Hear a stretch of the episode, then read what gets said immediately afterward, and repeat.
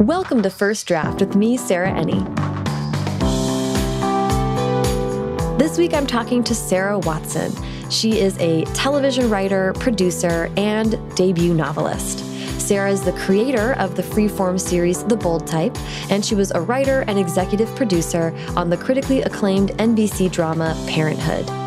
In this episode, Sarah and I talk about her debut young adult novel, Most Likely, which is about the first woman president, but when she was in high school, and her recently greenlit TV series about a small town that comes together to do a shot for shot remake of The Goonies. I loved what Sarah had to say about just saying yes when opportunities come up. Uh, how she balances the role of not only a writer, but also a producer, and then an executive producer, and then a showrunner and her no assholes rule. Everything Sarah and I talked about on today's episode can be found in the show notes. They are particularly rich this week, lots of amazing links to TV shows and movies.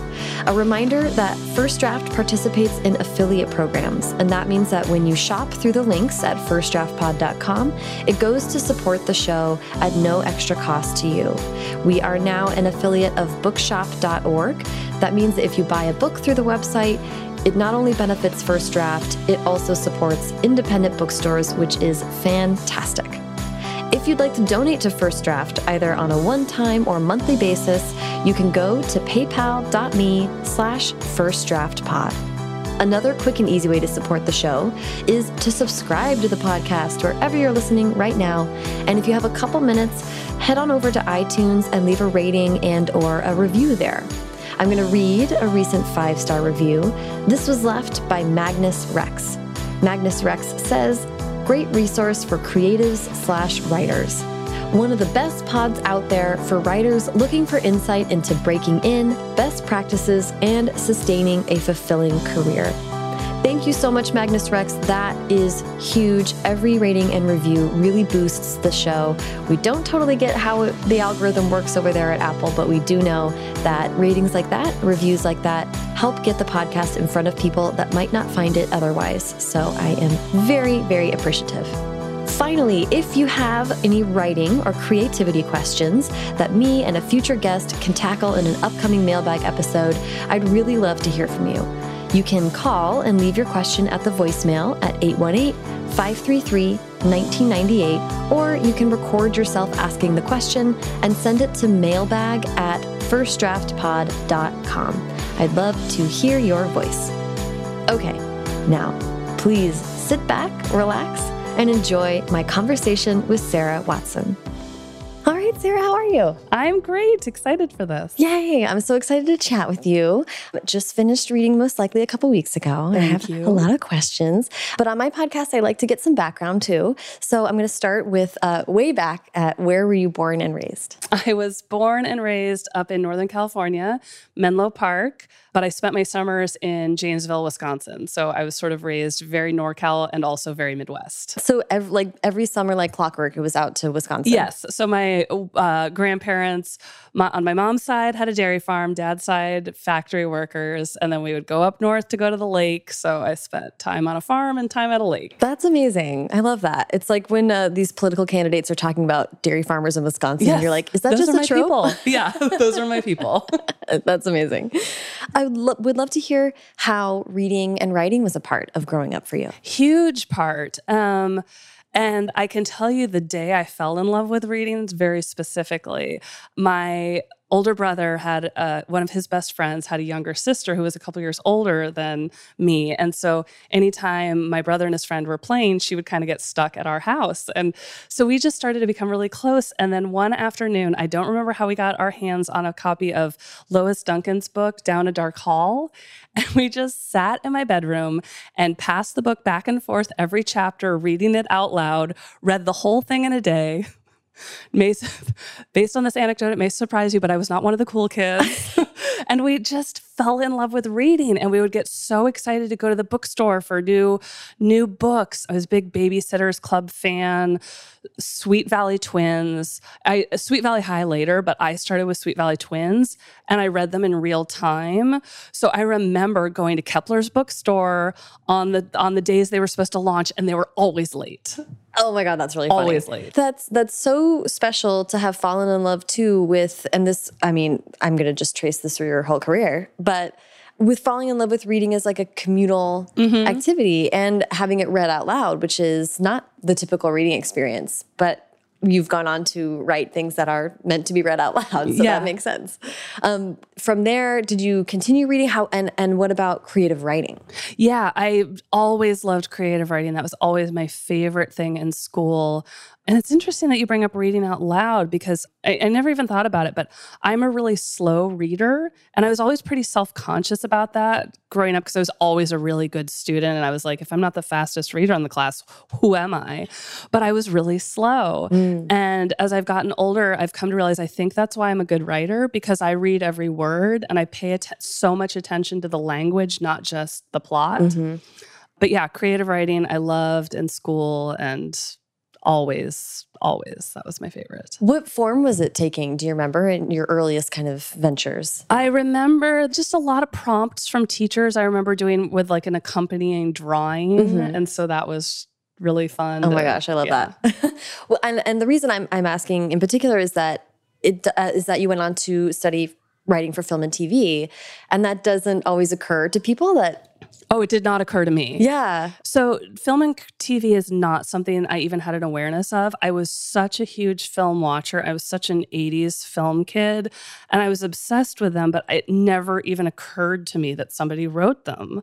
I just was aware of the actors and the characters and the stories. In fact, one of the creative writing things I did as a kid is I basically just summarized the plot of War Games. like, you just wrote it out. I just wrote it out. that was like, I love that. But I kind of feel like I learned plot that way. Yeah. By having to think about like all the dramatic turns. Yeah, not exactly creative, but a good lesson. That's so funny. but yeah, so it never even occurred to me that that was a job. And then I went to UCLA, not for film school at all. I was an English major. I wanted to be an English teacher. I always knew I wanted to write books. And then I took a film class just to fulfill an elective.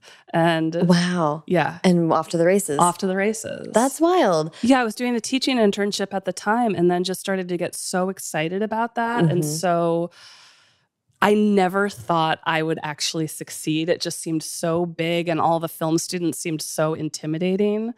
But Well, I want to ask about you have shared with me in the past a story about being inspired by someone who didn't believe in you. yes. Do you mind sharing that? Yeah. So uh, there was this guy who lived in my dorm and totally had a crush on him. And he was a film student. And so I started taking film classes in some respect to be with him. And then I just started talking to him about, you know, I.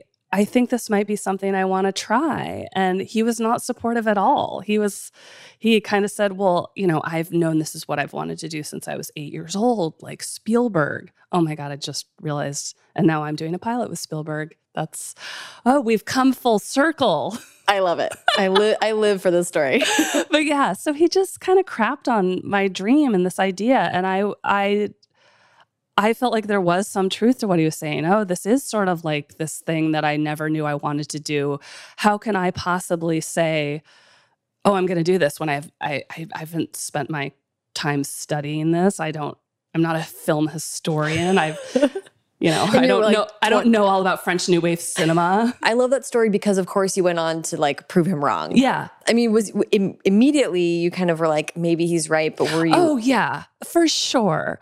But at the same time, when I was, you know, it was bigger life stuff too, because I was doing this teaching internship at the same time.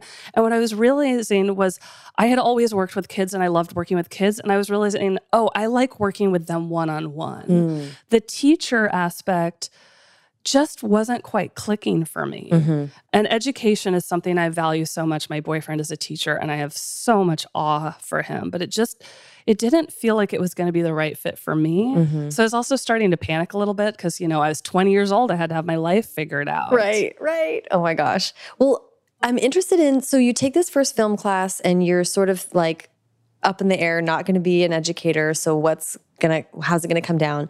What was it about writing for that medium that really struck a chord with you? The dialogue. It was just so fun to write dialogue and to be able to tell so much more of a story because you can make it visual. Mm-hmm. Like that's what I loved about writing on parenthood was these small moments that we found in these looks and these nods and it's something that in novels you capture in a different way and I just I got really excited about this dialogue and also at the same time TV was really starting to become more of a thing when I was in college. I'm a sitcom watcher, but I'm I would sitcom writing is not my medium. Like I'm mm. not I like to write funny, but I'm not a setup joke person. Mm-hmm. So whereas when I started college, kind of the only TV writing you could do was sitcoms, by the time I was out, these one hour dramas started. I mean, I remember when Felicity came on the air and it was like game changer. Like, oh my God. Prior prior to that, you know, Thirtysomething was kind of the only example of a right. show like that. And I was too young for that. Right, right, right. Of um of the type of show that you're interested in yeah, writing exactly. Because I was going to say you grew up being a film yeah. obsessive, I can say it maybe, but you did end up really focusing on television, yeah. or it looks like that's what you've oh on. absolutely, yeah. So when you left, and this is something I'm, I'm going to ask for people who may not be familiar with how you can kind of break into movies or TV, but you leave UCLA with a degree. How do you how do you get started? So I started with an internship my junior year of college, and this was right when I was finishing up that teaching internship. I and that guy was crapping all over my dreams. I thought, okay, you know what? I'm just going to try an internship. So I was at college at a time when very early stages of the internet. So there wasn't all these resources to even know how to find these internships and these jobs. However, it was also a time where there were not a lot of intern laws. So you could just call up anywhere and say, hey, can I do some free work? And they're going to say yes. So I remember going to this file cabinet in the career center at UCLA and pulling this like huge file cabinet out, writing a couple of phone numbers down and just calling these places. And everywhere I called said yes. And Alan Ladd at Paramount had a production company there at the time. And I was like, okay, that's the guy that greenlit Star Wars. I like Star Wars. I'll go read scripts there. This is this really truly is the extent of my knowledge of I love it. Um, so also at my internship, I felt lucky in that all the assistants there were really helpful and also really excited about their own futures and their own careers. And so, one assistant in particular, anytime a big spec feature came out that was great, he'd always say, Have you read this? He'd make a copy of it for me. And so, I was reading a lot of really great stuff. And weirdly, that assistant was Damon Lindelof who has gone on to do okay for himself. Yeah, I think I've heard of that guy. Yeah, that's so, that's really funny. It was funny. A couple years ago, when I was um, moving some boxes in the attic, I found this old box of scripts and I found this spec script he had written when he was like 24 years old. Oh my gosh. Go on eBay. I know, right? um, I love that you got to kind of have this, it's like a postgraduate degree you, yeah, gave, you gave yourself. Absolutely. How did that move forward? I mean, first of all, I'm interested in at this point, you're reading a lot of spec scripts. Was it for film and film, TV? Just film. Okay, that yeah. was just film. But you still had an interest in pursuing TV. Yeah, I was really interested in both. And at the time, there was so much, there was film, there were a lot more opportunities in film. Mm-hmm. At least it seemed that way. I don't know if that's really true or not, but you know, there weren't as many shows. It's not like it is today. There were a very set number of shows. So getting a job on a show was a little harder. Whereas everybody had a production company and everybody was making movies mm-hmm. and movies of all levels, not just the huge blockbusters and not the little indies, like all levels. So I definitely was wanting to to go down that road and one of the first things I wrote was a movie with teenagers, young adult. That's definitely my wheelhouse but then at the same time, I was looking for assistant jobs mm-hmm. and kind of taking whatever would come my way. And there was an opportunity to be the assistant to a manager who dealt with film and TV actors, writers, directors. But I just started to get a lot more excited about the TV.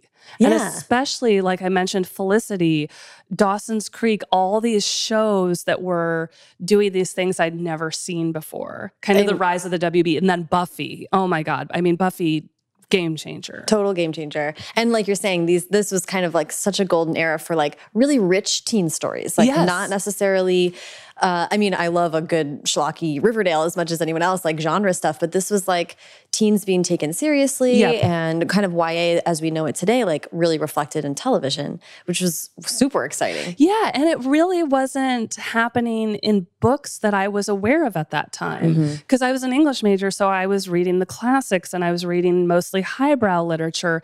And then on TV, I was finding the stories that I just devoured. Yeah, I love that. So, when did you kind of break in? How did you kind of actually find your foothold? Well, I definitely was not an overnight success at all. And those stories always annoy me. I was working as an assistant on That's So Raven on the Disney Channel. By the way, I saw that in your credits and I was like, what a dream. I love that. It was so much fun. And it's interesting because I had said, you know, sitcoms, I, that's not really my interest. But That's So Raven, the writers were just wonderful because that was when sitcoms were dying and the mm-hmm. one hour dramas were taking over yeah. everything. And so all these amazing A-list sitcom writers, the only jobs they could get were on the Disney Channel. Yeah, I was gonna say that was a Disney Channel show. Yeah. Yeah. So I got to work with these huge, huge, important Emmy winner voices, but it was a little lower stakes, Mhm. If that makes sense. Yeah, yeah. It was not as high pressure an environment. So it was a friendly environment and a warm environment and just got to learn a lot. And then through that, I met some producers who um, were doing a couple things. And one of the things one of the producers said is, I have a budget to do these low budget disaster movies for the Sci Fi Channel. Do you have any ideas? And when somebody with money says, Do you have any ideas? Always say yes. so I said yes on a Friday. And I said, But let me, you know, dust them off, polish them. Went home that weekend, read all these scientific journals, came up with a couple ideas, and then he bought two of them That is amazing. for very low money, non WGA, but I got to write, you know, I wrote a sci fi channel original movie and that is amazing. paid for my car. yeah, that's huge and good for you. I mean, I it, the pattern I'm seeing so far is a lot of kind of self-starting. I mean, going to that filing cabinet and writing down the numbers and just giving people a call, like that's really impressive. It was a lot of self starting and a lot of also just taking what opportunity, ever opportunities came my way. You know, it would, I think there were a lot of people who would say, oh, no, I'm not going to work at the Disney Channel. I'm only going to work on Emmy caliber shows. Right. And I, any opportunity that came my way, I just said yes to. And I've learned from everything I've done. Yeah, that's great. I think it was uh, Ransom Riggs, a YA writer, who once told me he was like, um, "Say yes until you can afford to say no." Exactly. Yeah. Now I say no all the time. right, right. And that's I was like, that's a great operating principle, especially at first. Like you'll always learn something, right?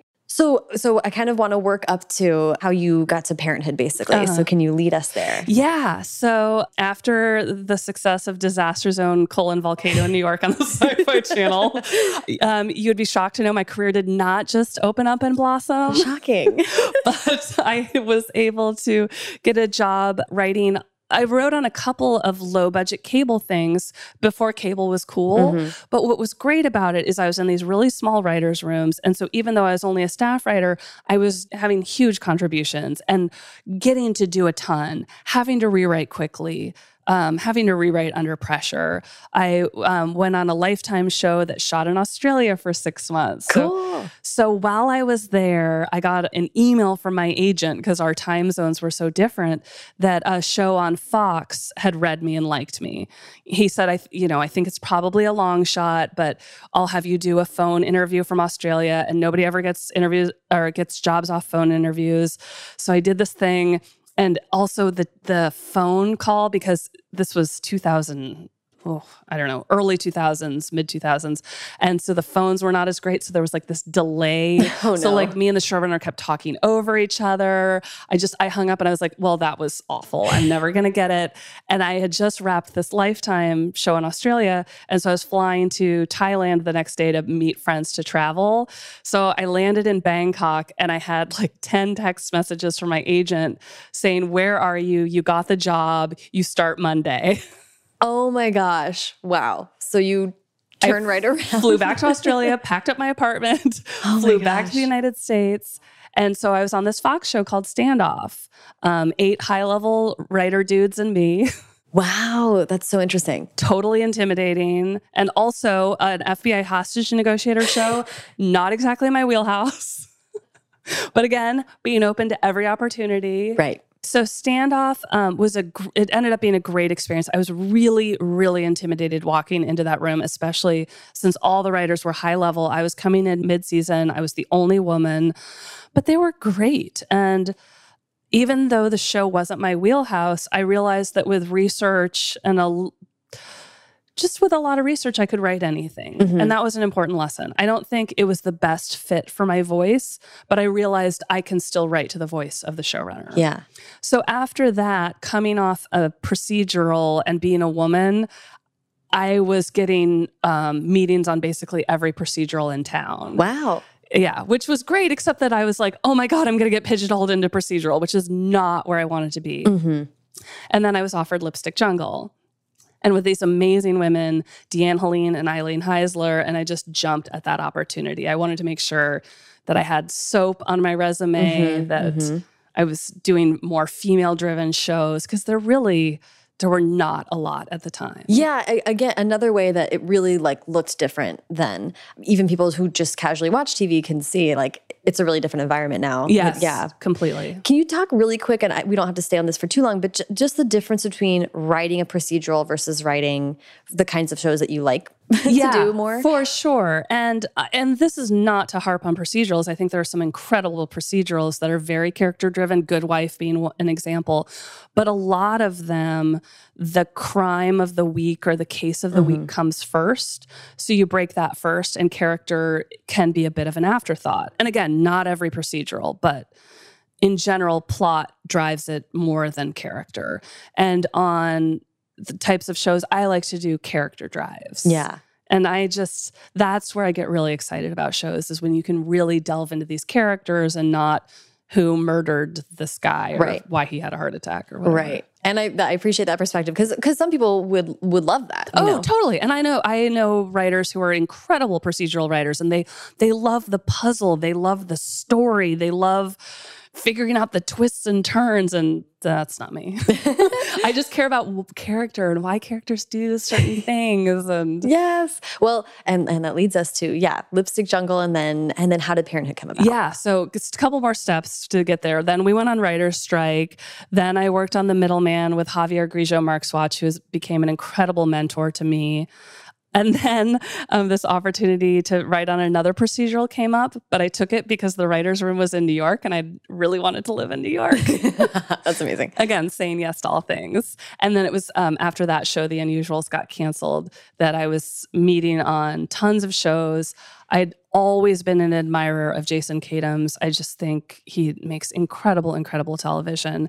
And so when the opportunity to meet on that came up, it was, I mean, I was, I wanted that show so bad. Yeah, and am I right that he was the Friday Night Lights Yes. creator of, it, of Uh, that? he did not create it. Pete Berg created it, but he ran it the whole time. the whole time? I mean, and that's like one of the best shows ever to be on TV. So yeah, Yeah. And so that was um, Friday Night Lights was in its third season when Parenthood was in its first or maybe fourth. I can't remember. But so when I met with Jason, he was looking for writers on both. And I was like, "Eh, either, both. I'll do them both. You know, whatever you want. I'll get you coffee. I think I literally said that in the meeting. I was like, or I'll get just get you coffee. Like, whatever you need. I just like I want to be writing those kinds of shows. Yeah. So these are like really granular questions, but um, but I'm I'm interested in when you get hired on a show like this. He's starting a new a new brand new show. Mm-hmm. How much is developed, and how much do you get to co-create with the room? How does that kind of show get fleshed out? Yeah, every show is a little different. Um, Jason is a writer who spends a lot of time in the writer's room, which is tremendous. He has such a vision, and I've never seen another writer like this. It's almost like math for him. Hmm. He knows when the choice is right. Hmm. Like you can see it cross over his face, like when someone pitches something. It's it's fascinating. He taught me to be really decisive. He taught me to write from the gut. Mm-hmm. So Jason, I mean, really is the author of Parenthood. That's that is his show. But he he loves the room and so we pitched so much in the room. We were in there for a long time, especially on season 1 because we had originally been slated to be a fall show and then we were mm. pushed to mid-season. Oh, okay. Because we had to do some recasting. So we just had this luxury of time where we got to spend all this rich time on the characters' backstories and we got to go down roads that were wrong and then come back mm. and it, we just we had this luxury of time that you don't often get in television network yeah, television. That's amazing. And what uh, first of all can you pitch parenthood really quick before we get into too many more details? Sure. Parenthood it's based on the 1980 is it 1989 that's steve right. martin movie? Yeah. Um, written by Lowell Ganz and Babaloo Mandel who are also like my total writing heroes. And then Jason did an updated version. It's a it's a show about this large family, the Bravermans, with um, and how the adult siblings interact and their lives together.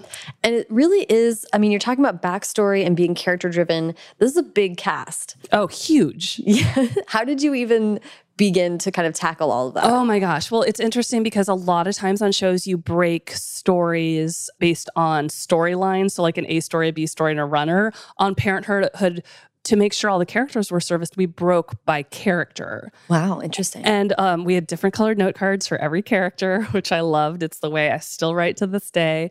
And so a lot of times we'd break too many stories and we'd end up pairing them back. But mm-hmm. we really went character by character, which I also think explains some of the richness of the show and how they all felt so deep and so realized. Mm-hmm. Yeah. It, and it really was like, I don't know. It was a it was a very it was one of those shows that reliably like you would be crying oh, at yeah. the end. It was very emotional, but because it was all coming from these really authentic people who were just sort of crashing against each other all the oh, time. Oh yeah, and we cried in the writers' room all the time. I mean, we had a box of Kleenex in there. We went through so much Kleenex, but we shared so deeply from our own personal lives and. That's something that just doesn't happen as much on a procedural show. And it was a very new experience for me to sort of like go into my psyche and all my childhood trauma and exploit it for television. Right. And talk to a room of people about it. And- oh, yeah. I mean, the thing, it was like group therapy. Like, I yeah. grew so much, not just as a writer, but as a person during that show. And how many, you mentioned earlier that when you were getting started, you were able to be in some smaller rooms. Yes. And can you just give a range? Like, what is a small room and what was Parenthood's room like? Totally. So, the first show I wrote on um, Beyond the Break, there were three of us wow. for most of the time, which is is tiny. Yeah. And I've been on a couple writing staffs that have been like that. Um, Parenthood, I think at the most we ever had was eight, and then the fewest was six. Okay. Six is small. That was for our final season. Mm-hmm.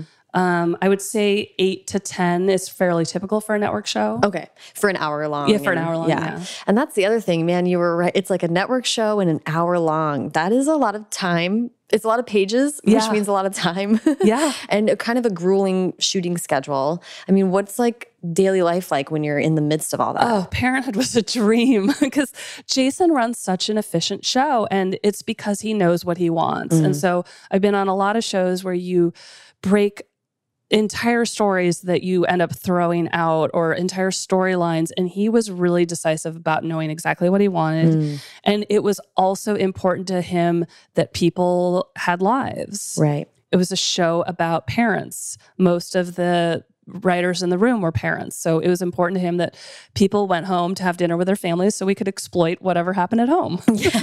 That's just smart, but yes. investment by him. Yeah. So we kept fairly normal hours, which meant I could have a social life. I could see people. I wasn't always breaking plans. And that was an incredible work life balance that you don't usually get in TV. Yeah. I kind of want to ask about moving into a producer and an executive producer role. And then we'll talk about mm -hmm. being able to be your own showrunner and um, what you're able to bring to that. But I'm, I'm just interested, like, what does it mean? You're, you are hired for the writing staff. And what does it mean when you get to be a producer and then an executive producer? Yeah, it's really just like ranks that you rise. Uh, so when I got to be the co-EP level, the other co-EPs who were more experienced than I was, there was one season where all of them either had pilots or one was having a baby. and so that put a lot of the responsibility on me in the best possible way. It meant that I was doing a ton of rewriting, I was helping Jason with a lot. And so that was a huge opportunity for me to take more than I had taken before and, and really grow from that. Yeah, that's amazing. So, um, and again, this is just like uh, for people like me who don't totally get how inside of the rooms work. But what is when you're a staff writer and an EP? What does that mean as far as breaking the story and then who breaks off to write and how does it get rewritten? Yeah, it's it really in Jason's rooms, everybody's kind of equal. Like mm -hmm. a good idea is a good idea. So we're all there in the writer's room all day, every day together. Everybody's contributing. Really, the only difference when we're in the room breaking story is that the high levels, the co EPs or the EPs, when Jason comes into the room, if he's been away, they're the ones that pitch back to mm. him generally. Mm-hmm. And generally, that's when the staff writers are more just waiting and listening for him to weigh in. Um, and then Jason likes to assign scripts after they've been broken mm-hmm. because he likes to assign to the writer's strength. Like he always felt like I wrote Sarah and Amber really well. So if there was a Sarah Amber heavy episode, generally he would give that to me. A lot of showrunners assign scripts ahead of time. Mm-hmm. So it's just wherever you fall in that numeric order. Oh, interesting. And a lot of showrunners ask the writer of that particular episode to lead the room, mm-hmm. to make the decisions, to be at the board. But with Jason, he liked and I, I this is how I run my shows too because I thought it worked so well. It means nobody takes ownership; everybody takes ownership. Mm, interesting. And it, it, also helps you not be so precious about your ideas because mm-hmm. it's for the good of the show, not the good of your episode. Right. Like I've been on shows where people fight for good ideas in their episode that would be better somewhere else, but they want it. Mm. And when you're all when you don't know who's going to write that one, everybody's a thousand percent invested. Yeah, I think that's really smart. So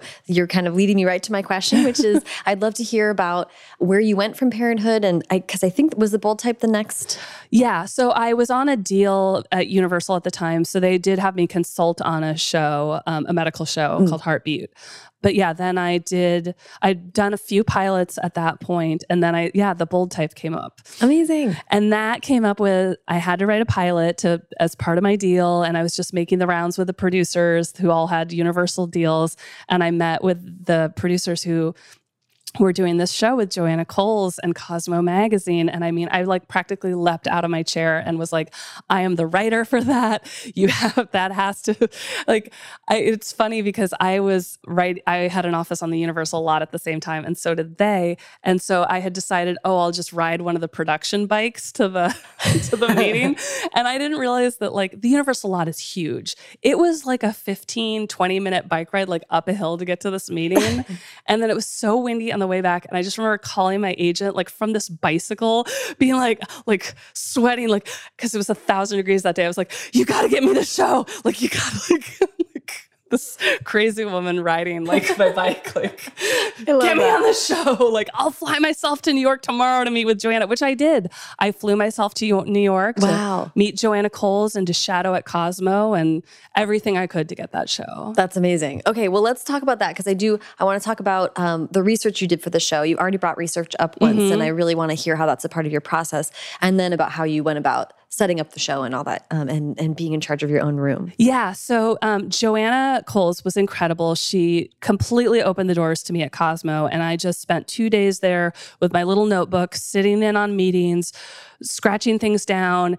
And really learning the process of running a magazine. She let me sit in on everything, but also getting to see the human interaction mm-hmm. between all the people who were there. Yeah. So I came back with like notebooks full of stories about not only how things were done, but also just these anecdotes and things and and getting to see the way who was competitive with each other and who supported each other. And I loved seeing how much support there was. That's great.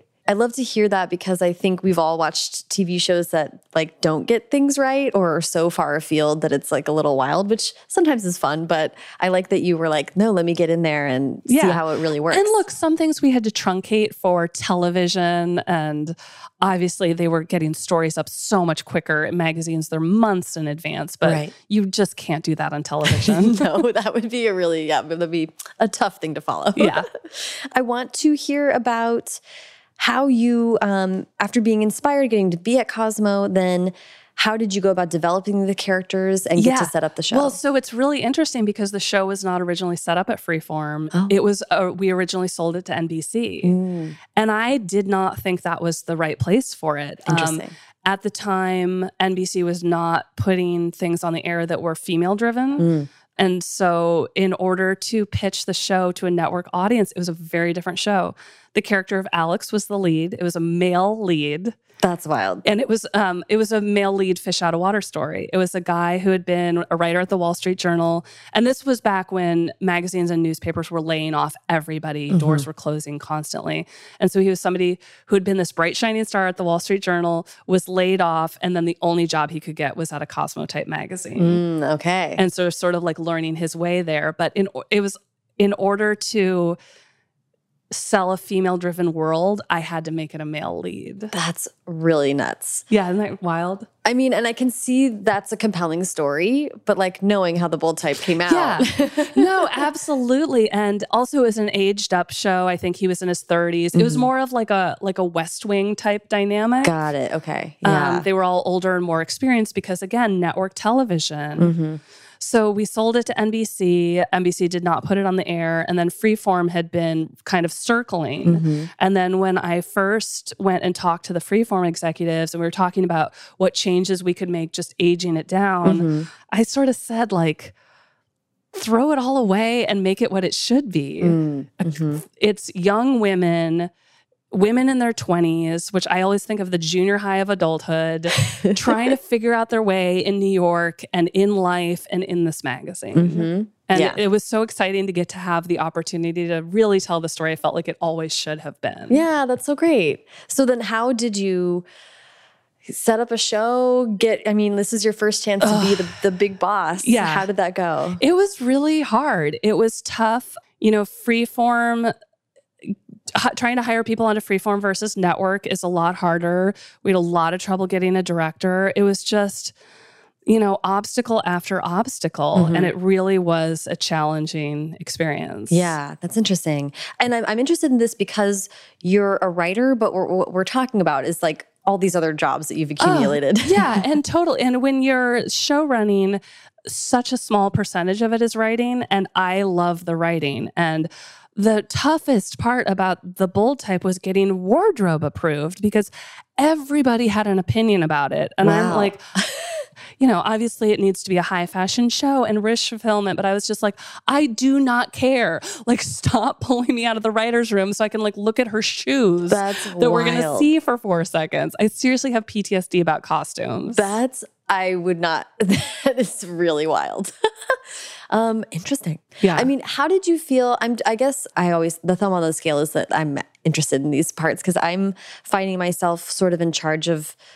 I mean, I run a company now. Mm-hmm. The podcast is kind of growing, so I'm like, oh, like I'm managing people and having to oh, sort oh, yeah. of monitor how people are feeling and that they feel like they're contributing. I mean, did you enjoy that part of the process? Yes and no. It's because I do enjoy it when I have more time for it. Mm. The problem when you're show writing is you are dealing with so many things on top of putting out these scripts. And that really has to be the number one priority. And so it's like you talk about like you want to make sure people are feeling like they're contributing. And there were just days where I could only have the time to think about the scripts and only right. had the time to think about the creative. And it's so hard to think about the other stuff. Your inbox is just thousands of emails and yeah I can't imagine. it's interesting because as I've started to deal with people who are like higher up and higher up the food chain, they're so much more terse over email. Mm-hmm. And I used to think, oh, there, there's a coldness.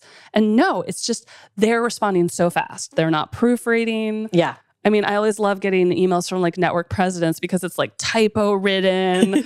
Whereas like the old me would proofread an email like 30 times before totally. I send it. Like, will this tone come across weird? Should I use an exclamation point? You know, I just, you don't have the time for that. Yeah.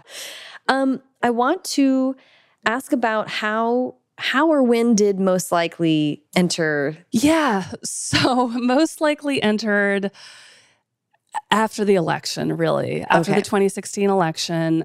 I it's so interesting because we shot the pilot of the bold type thinking that we would have a woman president. We shot it during the election. Wow. And then it was picked up two days after Trump was elected. I was literally walking into my therapist's office when I got the call that we Wow. were picked up. What a roller coaster. It was such a roller coaster. And the pilot had been really difficult. I have, I feel very fortunate that I have not experienced a lot of sexism in my career. Mhm. Unfortunately, there, the bold type was more of the exception. Really? It was just the, the pilot was a difficult, difficult experience. So I was still just dealing with all that. So I had, I had very bittersweet feelings about it getting picked up Mm-hmm. knowing kind of what I was going to have to continue dealing with, Mhm. and especially with who our president was. I felt like my entire life and my entire career, everything just kept getting better and better for women. Mm-hmm. And then all of a sudden, all at once, it was just like ripped out from under me. Yeah. And I just felt so disillusioned and so confused. And I really wanted to put out something hopeful at a time when it was hard to feel hopeful. Yeah. And I was able to do that on the bold type, but at the same time, it was not a pleasant experience. It was a very difficult, very sexist experience. And so after that, I was just feeling disillusioned. And I was reading Hillary's book, What Happened, and I did not think I would have the stomach to read it. I had really only purchased the book to piss off Trump because I really wanted her to be on the bestseller list because I knew it would irritate him. but then I started reading it and devoured it in a couple days. And I was really struck by the chapter where she talked about going to college. Mm. And I didn't realize that she had been a Republican before she went. And a lot of her beliefs were very different. And then she met this strong group of feminist women who really shaped her Mhm. and really inspired her. And I just, I got very emotional thinking about how my female friends had had that impact on me and how we all impact each other in these amazing ways. And so I just started to think about, well, we don't have a female president yet, but whoever the first one is, the person she's really going to need to thank, she's going to need to thank her friends because they're the ones who got her there. They're the ones who got her to that podium. I love that. That's a very hopeful thing to take out of that book, which otherwise is kind of tough. yeah. So that's really what I, and at the same time, my friend Jen had made, talked me into running one last marathon. oh boy. Yeah. And then our friend Allison, we were like, You're running this with us. She's like, Fine. And so the three of us were running. And as we were, we've run together for, oh my God, like 15 years and talked out so many things as we ran. And I just started thinking about them and how much they've influenced my life and made me better, made me run farther. And it's a pretty good metaphor I love that. for what our women friends do for us. Yeah, that's so great. So, and actually, you know what? Before we get too much farther into most likely, do you want to just pitch it for us and then we can talk in detail? Yeah. So, most likely is the story of the high school days of a woman president. And it's about her four best friends. And so, we're following the four best friends, and we know something that they don't, which is that one of them is going to grow up to be the president of the United States. And we're able to keep her identity a secret because we meet her on her inauguration day in the prologue, 30 years in the future. And she's taken her husband's last name. And we get a big clue that she uh, kissed him for the first time when they were seniors in high school. So I always think of it as a feminist fairy tale because whichever girl kisses the boy grows up to be the future leader of the free world. That's I love that. That's so cute. Um, yeah, we don't know throughout the book. The the um, reader is kind of left trying to figure out who it is that finally. Did you uh, figure it out? I didn't. No, I was like really. I mean, I don't want to spoil anything, but yeah, I was like, what? um, so you you have this really powerful idea at a time that it sounds like it was Mhm. really like an important like a Yes. life a life Yeah. um, raft for you at that time. At what point did you think of it as not a TV show? Immediately. Really? Immediately. I needed a break from television. Ah. So I was actively looking for book ideas. Like I said, books have always been my first love. It's always what I thought I wanted to do. I've always loved young adult. And so I thought, this is my time. This is my chance. I want to write a book. Let me come up with an idea. But I was sort of trying to think of other ideas when this idea popped into my head. Oh, I love that. Had had you tried your hand at writing a book before? Okay. Yeah. Okay. So I had tried tried and failed, which is a huge lesson in life. so I wrote a book um, because Parenthood we had pretty long hiatuses, and Mm-hmm. the first couple seasons that I was on the show, I wasn't allowed to develop. Um, I Oh. had I didn't have a development out. So during that hiatus time, I wrote a book, got an amazing book agent, Kate Testerman at KT Literary, amazing, but it just didn't sell. And so Okay. we were talking about making it a middle grade book, aging it down, because a lot of the comments we were getting was like, love the story, but this feels like middle grade, not Mm. YA. And so one of the things I was thinking of doing is doing a rewrite on that. But I just didn't, like I said, I was just feeling so disillusioned and wanted an idea that I could just wholeheartedly believe in. Yeah. And then this idea popped into my head. Yeah, when it comes to books, I mean, I'm, TV shows are the same, especially if it's has a chance of being put on the air. But you kind of you just got to be 100% about it Oh, because yeah. it's taking so much time. So much time. so much time. yeah. Well, that's so that's great. So you had some like you had your feet under you about like what this was going to Yeah. be like. But how did you go about developing it knowing it was going to be prose? So I sold this off a proposal, which I th- I think is pretty unusual for especially for a first book. Yeah, um I mean in your case it's not, you know, people who are, are proven track record can do that, but yeah, for a first book that's not super common. Yeah. So I had emailed my book agent, Kate, the idea, and she like flipped out. She was like, "Oh my god, yes, okay, do the like." She was like, "Write the uh, write the proposal. Here's five sample proposals, and get me three chapters, sample chapters." Amazing. And so I really dove into it. But because the book was so intricate and so many twists and turns, and I had to sort of equally weight all four of the girls so it didn't blow the reveal, the proposal took longer to write than the book. Really? Yes. Oh my gosh, that's so interesting. Talk me through. Well, I think proposals are fascinating. So, can you talk me through like what was in there and like what? How did you actually like corkboard? Like all, the, all the details you want to give. Yeah. So I think for the proposal, weirdly, it helped me having done a lot of TV pitches because I knew how to do hooks and I knew how to like grab them. So I had like a grabby opening mm-hmm. before I went into the plot because if you, I feel like if you just hand somebody like 20 pages of plot, Right. it can get very, very cumbersome. Whereas if you have a little bit of a hook at the opening, then they already know they're going to love it once they get to the plot. Mm-hmm. Because the plot was intricate, and I, I mean, I spent many hours sitting in front of my corkboard with. That's where that parenthood training, those multicolored character cards, Right. Um, CJ was yellow, Jordan was purple, you know, Martha was green, and Ava was pink. And I would just sit up there and write down scenes I was excited about and write down moments I was excited about. And when I started to uh, write the proposal, I did not know which of the four girls it was going to be. Ooh, that's so interesting. I kind of let the story guide me. Oh, I love that. You know, it's interesting because what you're talking about is plot, like a lot of like really thinking through plot wise, but your character is like your first love. So Yeah. how did you kind of balance those two? Yeah, well, this really is a character book. I mean, the plot is fairly, it's not like there's like one big thing driving it. Each girl has her own goals, her own insecurities, and there is the device of wanting to save that park, but mm-hmm. it never became so huge that that, I would never say that's the plot of the book. Right. I would say the plot of the book is getting through your senior year with your best friends. Mm-hmm. Yeah. So I really did. It gave me the opportunity to let character lead in a, in the way that I've always loved writing. And also with books, you can take twists and turns. TV writing, you have to be really tight. You mm. can't take twists at all. You just don't have the time for it. You have 42 minutes to tell a story. Yeah, you can't meander Yeah. or spend a lot of time with these kind of small Yeah. side characters who just are like for some reason fun. Yeah, exactly. exactly. well, you just talked about kind of sitting in your room, all the note cards. The only difference is it's just you breaking It's this story. just me. Yes. How did that go? Oh, I love writers' rooms. I love collaboration. I love the fact that when you write yourself into a corner and you think there's no hope, somebody chimes in from the other side of the room and says, Oh, we could do this. I did not have that. And I've done pilots before, so I've I have been in it my own before. That is not my preference.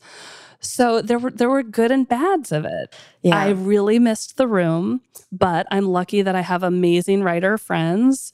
So I definitely made my own room at times. I love that. I had people that I could call and talk through story with. My boyfriend has a great sense of story. We spent many a walk with the dog, working out different plot details. I love so I think that. I find a, kind of found a way to make my own room. you took time writing the proposal, corkboard, all that stuff. Then it comes like you have to open your laptop and write full oh sentences God. in like Times New Roman. Terrifying. what was the process like? terrifying. I mean, so terrifying. I sold the proposal and I sold it in a multi house auction. And so part of me was like, can't we just sell it under the radar with no pressure and like very low expectations? And so I felt like there were such high expectations on it. Mhm. So it was terrifying. Yeah, that's interesting. That is also an unusual thing for a debut novelist. Yeah. So I just had to do it. And also, it was a crazy ride because we submitted it. And then Bob and I flew the next morning to Vietnam for vacation for two weeks. Amazing. And that's when I started getting the initial like interest. Oh, wow. So it was great that I was on a completely different time zone. So I couldn't be checking my email all day. Mhm. Got a couple of, um, I got to know that like some people were interested. And then we came back to Los Angeles. We had one day when I was back, and then his sister got married the next day or like two days later, something like that. It was very quick. Wow. And then the day after the wedding, I had to fly to Chicago. I was helping a friend who was directing her first short. And I was also there for my niece's 18th birthday. So it was nuts. A lot going on. a lot going on. So I flew back from Vietnam and the very next day had calls with several editors.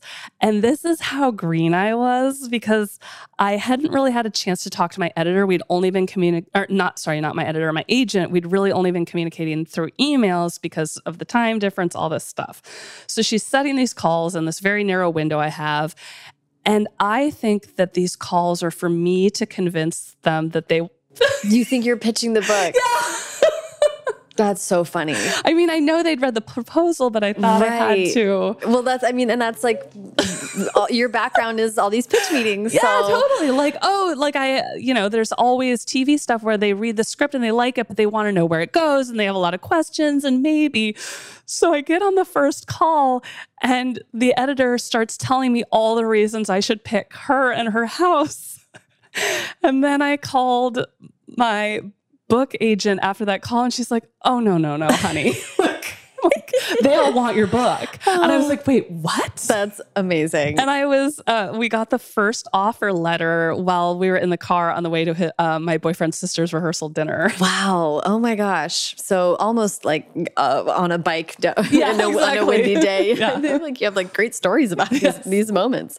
Everything Um, always happens in a dramatic fashion. I love that. And also, I read that you are very committed to deadlines. Oh my God. Where did you read that? But yes. I, f- I forget. Well, I think it was some interview where you're talking about that that you are like Julia Braverton in that Braverman, way. yeah. Oh, yes. Braverman. Um, I will hit a deadline or I will die trying. yeah. So that strikes me that that's a very useful thing when you're. Uh, we, there's a lot of pressure. This is a book, but you just have to do it. You just have to do it. And and that did kind of free me a little bit. And also I think this is where my early TV jobs really helped me because it taught me to give up perfection as a goal for a first draft. Mm-hmm. You just have to get through it.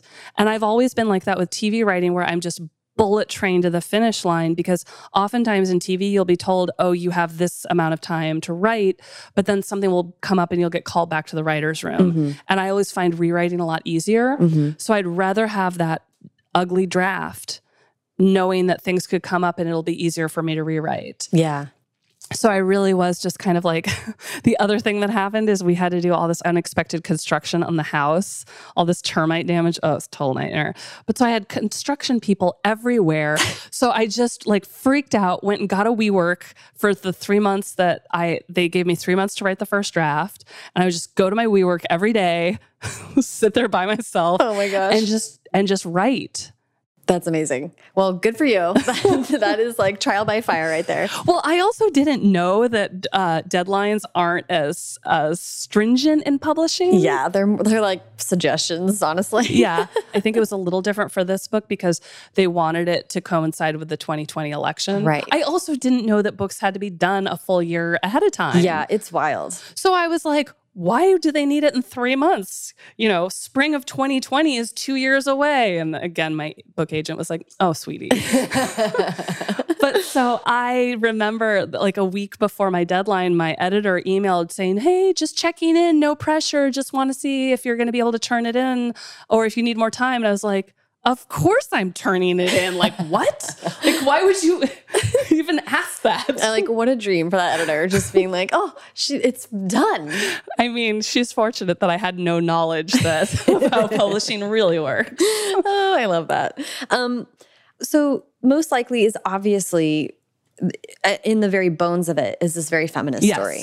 It's also a very inclusive story. And in the bold type, I mean, it seems like when you have the chance to develop yourself, you are really putting a focus on feminist inclusive stories. For sure. Was there anything that you were able to explore or kind of jump into a little bit more with a book as opposed to the strictures of TV? Um, it's interesting. I I feel like the bold type they were the network was actually incre- incredibly supportive of the inclusivity and exploring all walks of life. I think that's been a huge change in TV.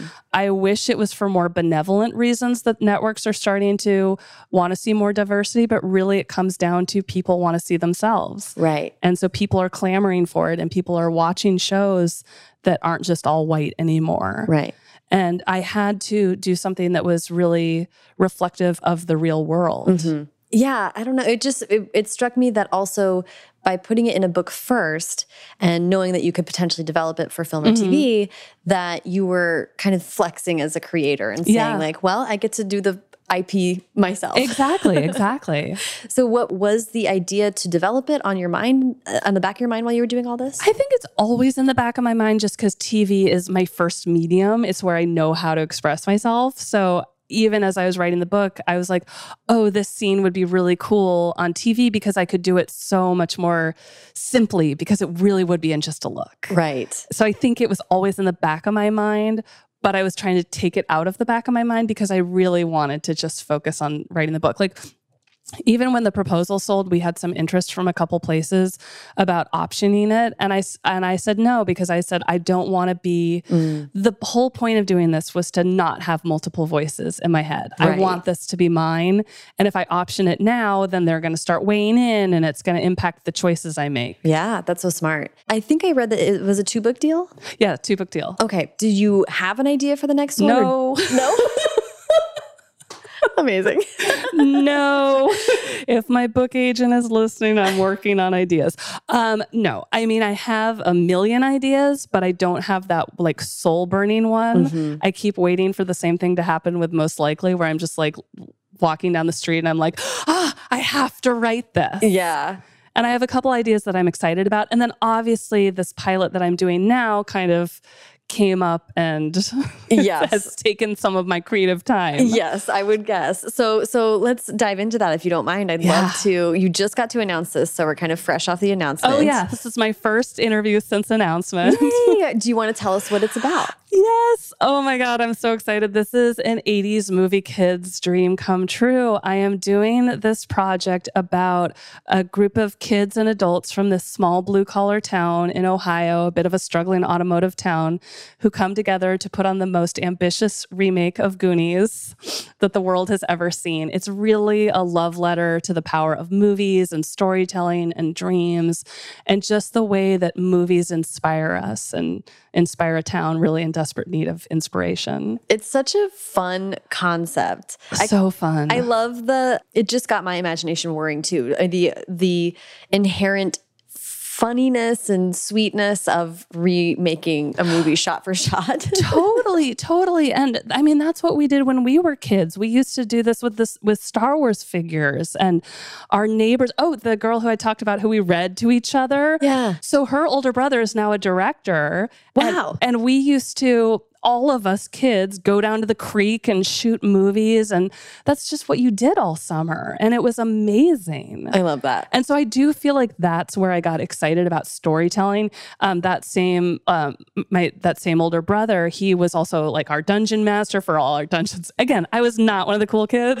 I love this. But yeah, we ju- and he was used to do these. We called it walking Dungeons and Dragons. We he'd set up these elaborate like mazes through the creek and like Cool. Yeah, super cool, so fun. I love that. Like so excited about storytelling. Yeah, it's so um you know what you're describing is like kids kids are so rich in imagination and that's really how you're like play acting the world and just getting a sense of who you are and how Yeah. how you can be in it and it's like beautiful those are some of the most most poignant memories Absolutely. And for us, you know, we didn't have the internet, so we didn't know that we didn't know camera tricks and we didn't we didn't have YouTube. We couldn't see what other people were doing.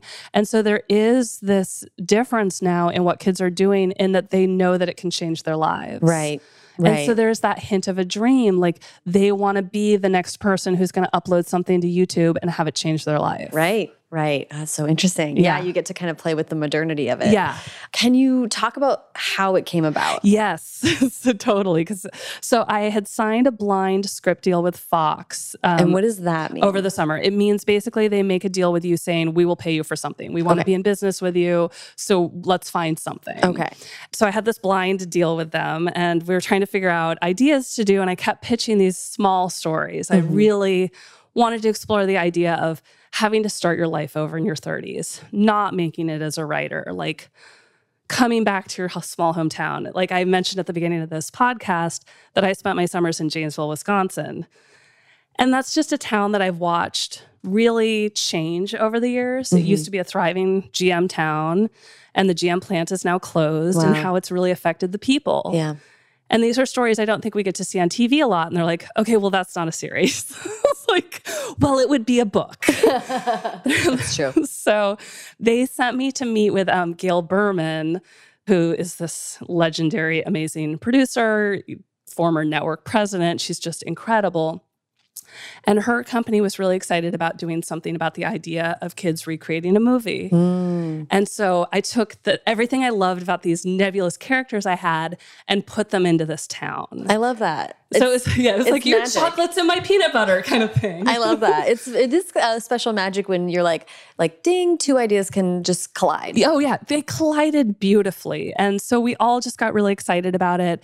And then because of the movie rights that we had to get a movie on board, we wanted to go to the man who has the best movies, Steven Spielberg. Oh my god, so wild.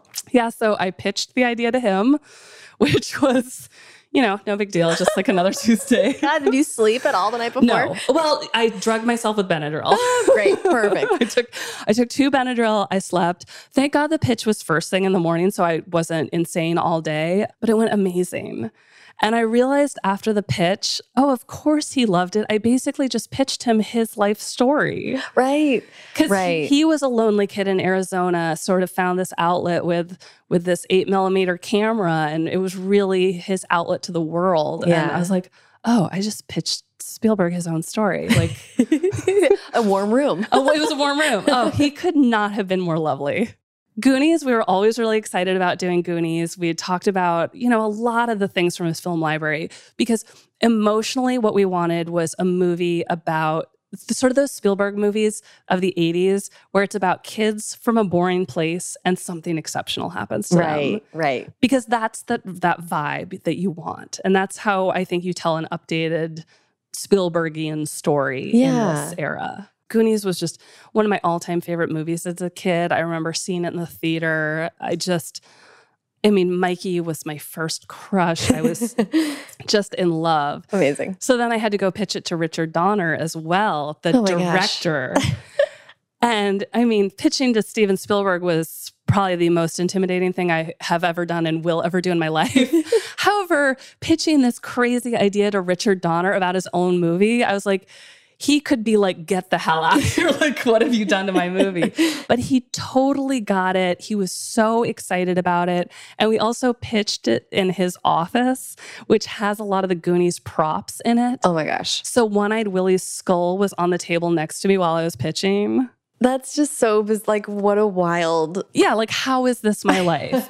like when I was a kid watching that movie, I never in a million years would have dreamed Right. that this would be my life. Oh, that's so magical. I love that. So, again, just from perspective of not totally knowing how all this works, where what's the status of it right now and what does that mean? Moving quickly. Oh, really? yes. Oh my gosh. In fact, I'm flying to Atlanta tomorrow morning to location scout. Okay. So we've been officially picked up for a week and a half. We already have a director on board. I'm so excited. We have Greg Mottola, Mottola directing, who did Superbad, Adventureland. So fun. Just an amazing director, really good with teens and kids. So we've been picked up for a very short period of time and it's all just moving really quickly. And the script is getting out there. We're starting to send it to cast and just starting to put everything together. What does this mean for you and how is your role? Like what what are you going to step into here? Showrunner. So showrunner creator. So I mean, it's a lot of decisions.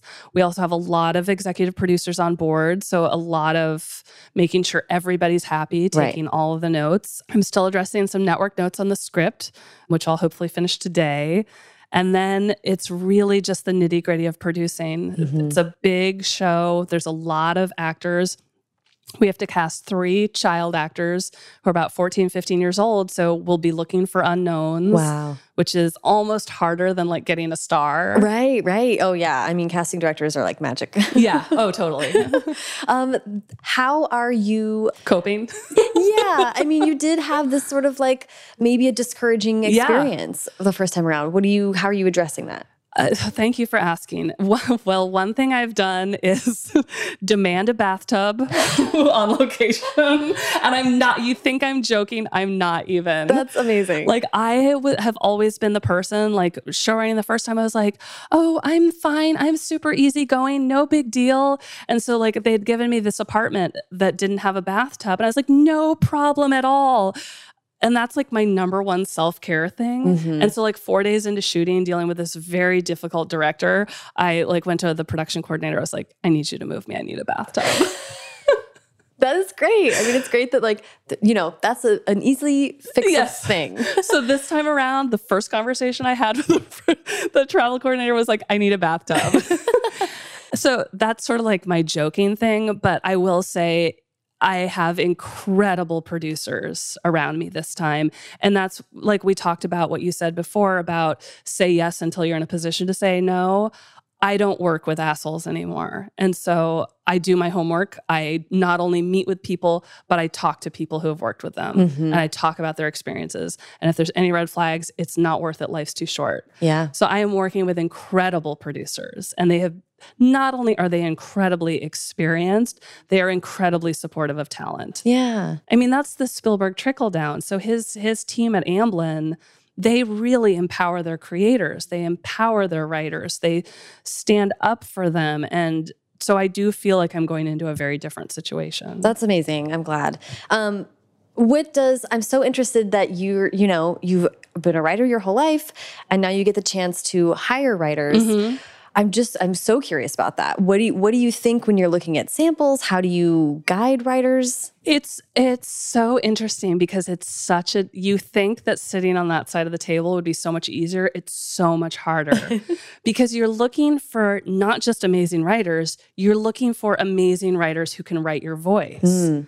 Like some of the writers I admire the most in the world probably wouldn't be right to write on my show. Right. Because they're doing something so different. Mhm. So you really need something where you're all on the same team, Yeah. where you're all making the same show together. Yeah. So it's sort of finding that perfect sample and also asking for references, finding again, I have a zero asshole policy in the room. And so it's just asking all the right questions, getting recommendations on people. And again, this is like you're a writer.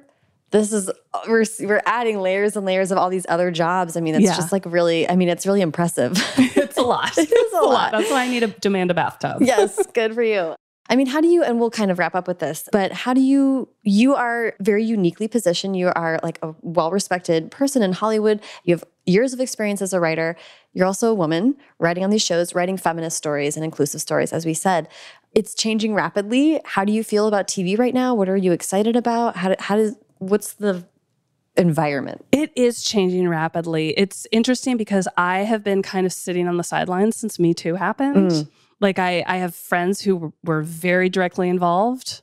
My pilot director was outed in the Me Too movement. I, it's but I have not been in a room since. Mm. I was sitting in my WeWork writing my feminist story by myself. Oh, yeah. So I have not really been on boots on the ground to see the change. Mm. And I think there has been tremendous change, but there's also now, unfortunately, a little bit of the blowback, mm. a little bit of the people who had it their way for a very long time and are not happy to see the change. Mm-hmm. And those are the people I don't have any interest in working with. Right, right. In some ways, is it clearer to see? I mean, I can't, I feel like in a lot of ways, post 2016, it's just been like, what's coming to mind is that I was just talking to another um, co-writers who wrote a, a book about voting, and mm -hmm. and we were just reminiscing about how pre 2016 you could be like, gee, I don't know if that person's a Democrat or Republican. That's not real anymore. Yeah, totally. it's just this kind of like, well, everything's just got more more daylight and so clear when people are just assholes, I guess. It is true. And it's interesting because I just somebody got all up in my grill on Twitter about th that I would never hire a Republican. And I would never say that, but I would also the kinds of shows I'm writing tend to have characters who are strong liberal women so it wouldn't make sense to have somebody who believed that women didn't don't deserve the right to choose and right who believes in old school views of marriage or that gay marriage is wrong like my characters would never believe that. So if you believe that how could you write my show? Right. This isn't like the west wing or some yeah. like uh yeah uh, like this is what it is. And and the fact that you are so clear like you said earlier being decisive and just knowing what you want the show to be mm -hmm. that's great as a driving factor just like you don't have time yeah uh, was there anything else about that show that you want to share? I know you're like in the in the thick of it. In this show, oh my gosh, no, just how exciting it is. It's like movie nerd kid dream. I like I truly can't believe it's happening. But I also can't believe it's happening at the same time as my book launch. I was going to say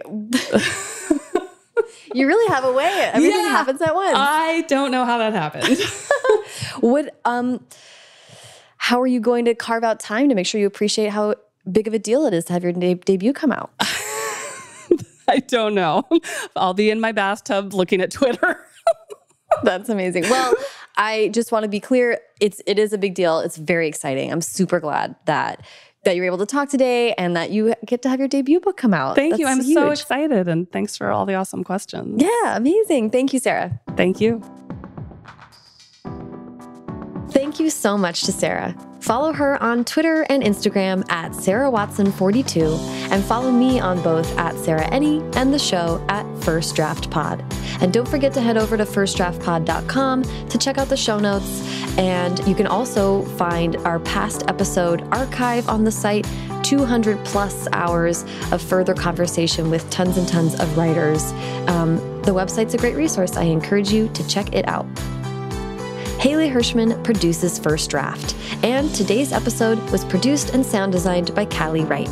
The theme music is by Dan Bailey, and the logo was designed by Colin Keith. Thanks to production assistant Tasneem Daoud and transcriptionist at large Julie Anderson. And as ever, thanks to you, Walking Dungeons and Dragons Masters, for listening.